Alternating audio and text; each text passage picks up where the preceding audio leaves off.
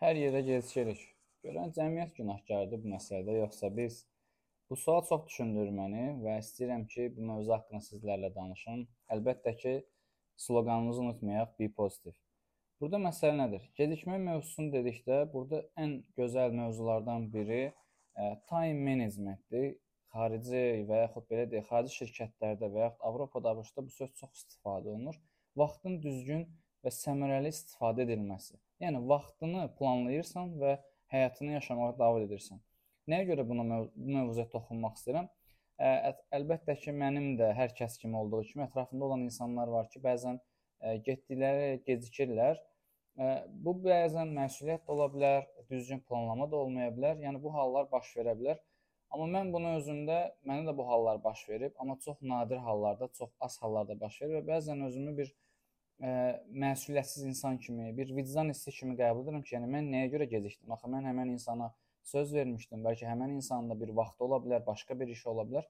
Ona görə bu çox vacib bir mövzudur. İstəyirəm öz fikirlərimi bu ə, mövzu haqqında danışım ki, ə, əslində bu ə, belə deyim, vərdiş olmalıdır. Yəni necə ki insanlar pis və yaxşı vərdişləri özlərinə deyirlər ki, mən bu siqareti ata bilmərəm, bu məndə vərdişdir və yaxud digər yaxşı ə, belə deyək, bəzən yaxşılıq edən insan deyir ki, bəs artıq yaxşılıq edirsən. Bəzi insanlar səndən ə, istifadə edirlər, sui-istifadə halları baş verir, amma həmin insan deyir ki, xeyr, mən yaxşılıq etməyə davam edəcəm. Bu hər yerə tez çatmaq məsələsi də var. Məsələn mən bunda ə, ilk öncə valideynlərimə təşəkkür edirəm. Çünki mən bunu ə, məktəb vaxtından hətta deyərdim ki, 5-ci sinifdən sonra artıq biraz insan ə, 10 yaşı keçir və artıq biraz həyatı az da olsa dərk etməyə başlayır və bəzi şeylər düşünməyə başlayır. Mən hətta yadımdadır ki, hər hansı bir tədbirlər falan olanda məktəbdə və yaxud bizim məktəbdə hər hansı bir tədbirlər aparanda hər zaman ora tez çatmağa bir növ çalışırdım. Yəni məsələn saat 12-də orada olmalıyamsa və mənim yolum 15-20 dəqiqə isə mən 1 saat öncədən gedirdim. Yəni dururdum, gözləyirdim. Yəni ə, özümdə bir məsuliyyət hiss edirdim və bu daha sonra məndə bir vərdiş halını almağa başladı. Artıq ə, 10-11-ci siniflərdə hazırlıqlara gedərkən, daha sonra sınaq imtahanlarına gedərkən yolu hesablayırdım. Yəni ilk öncə gedəndə bəli biz yolun ə, e, tam bilə bilmərik. Məsələn, ə, e, A məntəqəsinə B məntəqəsinə neçə müddətliyə, neçə dəqiqəyə gedə bilərəm? Məsələn, 30 dəqiqəyə, 60 dəqiqə. Mən artıq öncədən plan götürdüm ki, məsələn, 1 saatlıq yolsa mən 2 saat öncədən çıxırdım və fikirləşirdim ki, ə, e, realistik olaraq yolda hər an qəza hadisəsi baş verə bilər, yol bağlı ola bilər və yaxud hər hansı bir yolda təmir ola bilər və mən gecikə bilərəm və istəyirdim ki, buna görə 2 saat tez çıxırdım. Və artıq bu vərdiş məndə inkişaf etməyə başladı. Sınaq imtahanları, daha sonra ə, e, dərslərə gedərkən universitet vaxtı, ə, e, daha sonra ə, e, tədbirlərə, seminarlara, hara ki gedirdimsə hər zaman öncə gedirdim. Və bu vərdiş məndə çox yaxşı müsbət hal aldı. Çünki mən ə, əskərlikdən sonra magistr təhsili almağa başlayanda artıq mən ə, bunu davamlı sürətdə etməyə başladım və bu məni müsahibələrdə özünü göstərir. Çünki mən 2016-cı e, ildən e, davamlı olaraq çoxlu müsahibələrdə iştirak edirdim. Bakı Sumqayıt ərazisində e, çox saylı zavodlara, şirkətlərə müraciət edirdim və hər zaman öndə çatırdım və ə, 1 saat belə tez gəldiyim olurdu müsahibələrə və orada bəzən qeydiyyatçı, yəni bildiyimiz resepsiyon xanımlar və bəylər mənə dedilər ki, siz bilirsiniz, gec gəlin, tez gəlmisiniz 1 saat və gülərüz belə qarşılayırdılar. Dedim ki, bəli. Bəzən olurdu, ə, sual verirdilər ki, bəs nəyə görə belə tez yaz? Deyirəm ki, bu məndə bir disiplindir, ə, bu məndə bir vərdişdir. Yəni mən bunu istəsəm də ə, bundan keçə bilmirəm. Olur, yəni mən də insanam, insan səhvlər edə bilər həyatda, gecikə bilərik hər hansı bir yerə. Ə, gün ərzində 2, 3, 5, 10 işimiz ola bilər.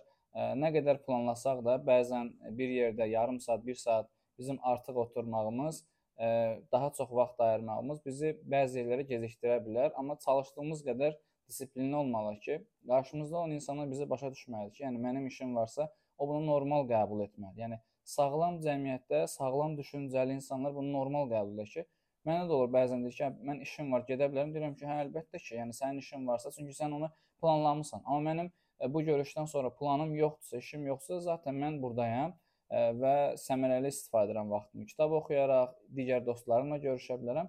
Bu artıq məndən asılıdır. Gəzinti edə bilərəm dəniz qırağında və yaxud parklarda. Ona görə bu insanda yaxşı bir müsbət haldır. Yəni bununla nümunə olmaq lazım. Əgər biz cəmiyyətdə faydalı məlumatlar ötürmək, faydalı bir şəxs olmaq istəyiriksə, yəni bu həmçində bizim marka olmağımızda kömək edir ki, ətrafda olan insanlar artıq bilir ki, hə, bu şəxs ə, çağırılan yerlərə, dəvət olunan yerə heç bir zaman gecikmir, hər zaman öncəsindən gəlir və öncə də gedə bilərsiniz, kitab oxuya bilərsiniz, hər hansı ə, faydalı podkastlar dinləyə bilərsiniz. Yəni ə, bu demək deyil ki, siz tez çatıb orada vaxtınızı səmərəli istifadə etməyin, sosial şəbəkələrdə vaxtınızı boşa sərf edin. Xeyr. Ə, ola bilər qısa bir müddətdə mahnı da dinləyə bilərsiniz. Yəni mən demirəm ancaq kitab oxuyun. Xeyr. İstədiyiniz şeyləri edə bilərsiniz bir saat ərzində. Məsələn, hər hansı bir tədbirə getmisinizsə, tədbirin keçirdiyi ə, ərazini, məkanı kəşf edə bilərsiniz. Yeniliklərə maraqlana bilərsiniz və və yaxud ə, xarici şirkətdə işlədiyim üçün belə bir şey var ki, qəza çıxışları ilə tanış ola bilərsiniz. Yəni hər hansı bir yanğın zamanı və ya hər hansı bir hadisə zamanı necə buranı tərk edə bilərik, bunu öyrənə bilərsən. Və bəzən mən bunu e, qeyd edərkən deyirlər ki, ə, bizim cəmiyyətdə niyə elə pis düşünürsən? Xeyr, pis düşünmürəm, mənfi düşünmürəm. Sadəcə realistik insanam. Yəni bəlkə də mənim ə, e, karyeramı, işimi xarici şirkətdə başlamağımın üstünlüyündən biri budur ki, ə, e, mən hər şeyi fikirləşirəm. Yaxşı və pisi fikirləşirəm və hər zaman AB variantlarım olur. İki yolum olur ki, bu hal baş verməsə bu olsun. Bu o demək deyil ki, psixoloji olaraq bəli deyə bilərsiniz ki, hər zaman B planın var və A planı işləməsə B planı işləsin. Xeyr. Məsələn, ə, e, yolda probka varsa və yaxud yol bağlısa, artıq mənim hər zaman B planım olur ki, yəni bu yol bağlı olsa, digər alternativ yoldan istifadə edə bilərəm. Yəni e, taksidəyimsə, ə, e, marşrutsa artıq piyada gedərək marşrutdan istifadə edə bilərəm. Yəni oturum taksidə gözləyim ki, bu yol nə zaman satılacaq. Bu əlbəttə ki, belədir və ə, bu əlbəttə ki, insana bir ə, müsbət enerji ötürür. Çünki hər zaman ə, bəzən bizim cəmiyyətdə deyirlər ki, hə, tərifləyəndə insan bəs özündən çıxır, uçur göylərə. Bəli, məndə də bu hal olur. Yəni mən də uçuram göylərə. Mənim də bir növ ləzzət edir ki, yəni mən disiplinli insan olaraq ə, cəmiyyətdə nümunə göstərirlər ki, yəni bax bu şəxs heç bir zaman gecikməyib və bu artıq məndə 30-dan çox müsahibələrdə iştirak edərkən heç bir müsahibə gecikməmişəm və bu mənə bir stimul verir, mənə bir e, uğur qazanmaqda belə mənə kömək edir ki, yəni sən bunu bacarmısan və insanların müsbət geri dönüş etməsi çox gözəl bir amildir. Yəni e, mən nəinki o qeydiyyatçı, resepsiyon xanım və bəylərdən, hətta olurdu ki, e, insan restor, HR komandasından və yaxud e, həmin sahə üzrə mütəxəssis olan şəxslərdən belə geri dönüş alırdım. Onlar maraqlanırdılar. Bu işçi necə bir işçidir? Vaxtında mı gəlib, gecmi gəlib? Bu çox gözəl amillərdir ki, onları vurğulayırlar və mən bunu müsahibə zaman zamanı eşidəndə ki, Bəs Ələndar bəy, siz müsahibəyə çox tez gəlmisiniz. Bu nədir? Və deyəndə ki, disiplinim var, ə, özümün qaydaları var ə, və bu qaydalar çərçivəsində hərəkət edirəm. Bu mənə üstünlük verirdi və onlar məni alqışlayırdı, hətta mənə təşəkkür edirdilər ki, ə, siz bu müsahibəni keçməsəniz belə biz istəyirik ki, bizim işçilərimizdə ə, bu cür disiplin olsun. Ona görə hər bir zaman ə, bu qaydalar olmalıdır. Yəni ə, biz əvvəl də Orxan Şahbaz da ə, e, tövsiyə etmişdi ki, ə, e, uğurlu insanlar günə necə başlar? Bu çox əhəmilidir. Yəni hər bir insan həyatında qayda olmalıdır. Əlbəttə ki, burada ailədə də ola bilərsiniz, övladlarınız ola bilər. Bu demək deyil ki, siz də hər gün səhər 6-da və yaxud 5-də dura bilərsiniz. Çünki o kitabı oxuyanda ə, e, orada hər bir saatda duran insanlar var. Elə insanlar heyvanları, it və pişikləri onları yuxudan oyadır. Elə insanlar var, övladları onları dünyaya belə deyək, onları daha tez oyadır. Çünki daha az yaşlı uşaqlar daha tez yuxudan durduqları üçün onlar valideynləri oyadırlar və bir növ zəngli saat kimidir. Amma bu xoş bir zəngli saatdır ki, övladların səsi ilə onlar yuxudan oyanırlar və hər bir insanda fərqlidir. Bir insan meditasiya edir, bir insan qaçaraq, bir insan parkda gəzərək və hər bir insanın əslində bu qaydası olmalıdır. Çünki o qayda bizi formalaşdırır. Əfsər olsun ki, biz cəmiyyətdə bunu görmürük və görən şəxslərə bir növ qibtə edirik, paxıllıq edirik və gözümüzdə elə canlanır ki, yəni bu insan idealdır. Yəni bu insandan yoxdur. Bu insan nə oldu elə hər gün durur, ağıllı-ağıllı danışır, ağıllı-ağıllı idman edir. Yəni bu insanın da ə, hə, nə zamansa dayandığı bir vaxt olur. Bu əlbəttə ki, doğrudur. Məndə də olur. Ə, bəzən qalxmaq istəmirsən, səhər-səhər yorğun olursan və yaxud ə, hər hansı bir tədbirdə iştirak edirsən, həmin günün yorğunluğu növbəti gündə bunu özünü biruzə verir və sən qalxmaq istəmirsən, hər hansı bir iş etmək istəmirsən, amma bu ə, normaldır.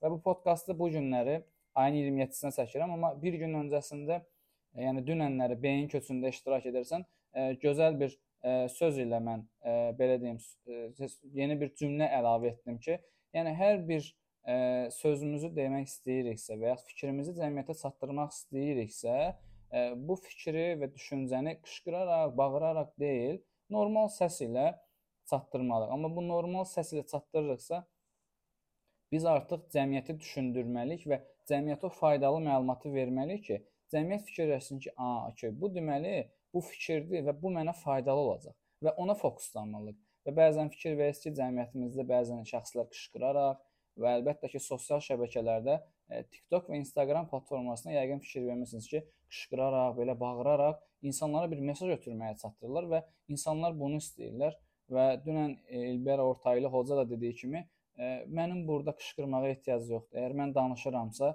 insanlar bunu dinləyə bilərlər və bəzən sual verə bilərsiniz. Biz eşitmirik. Mənim fikrimcə bu şəxsi fikrimdir. Biz daha yüksək səs ilə TV-də və yaxud YouTube-da və yaxud mahnıları dinlədiyimiz üçün bizim qulaq pərdələrimiz zədələnir və biz bunları yoxlamırıq, check-uplara getmirik və bunun nəticəsidir ki, biz daha yüksək tonlu dinləyirik və bəzən də cəmiyyətdə mən deyirəm ki, qışqırmağa, bəkdən ucadan danışmağa ehtiyac yoxdur. Əgər biz aşağı ton ilə danışırıqsa, bizim fikrimiz aydın olacaq və sizlərə tövsiyəm budur ki, telefonlarınızı desibeli ayarlayın. Yəni səsin daha yüksək o desibeli keçməsin. Normal desibellə dinləyin və sizə lazım olan faydalı məlumatları və sizi düşündürən fikirləri dinləyin ki, bu sizin həm gələcəyiniz üçün, həm də şəxsi inkişafınız üçün önəmlidir və dinlədiyiniz üçün sizlərə təşəkkür edirəm və əlbəttə ki, sloqanımızı unutmuruq. Be positive.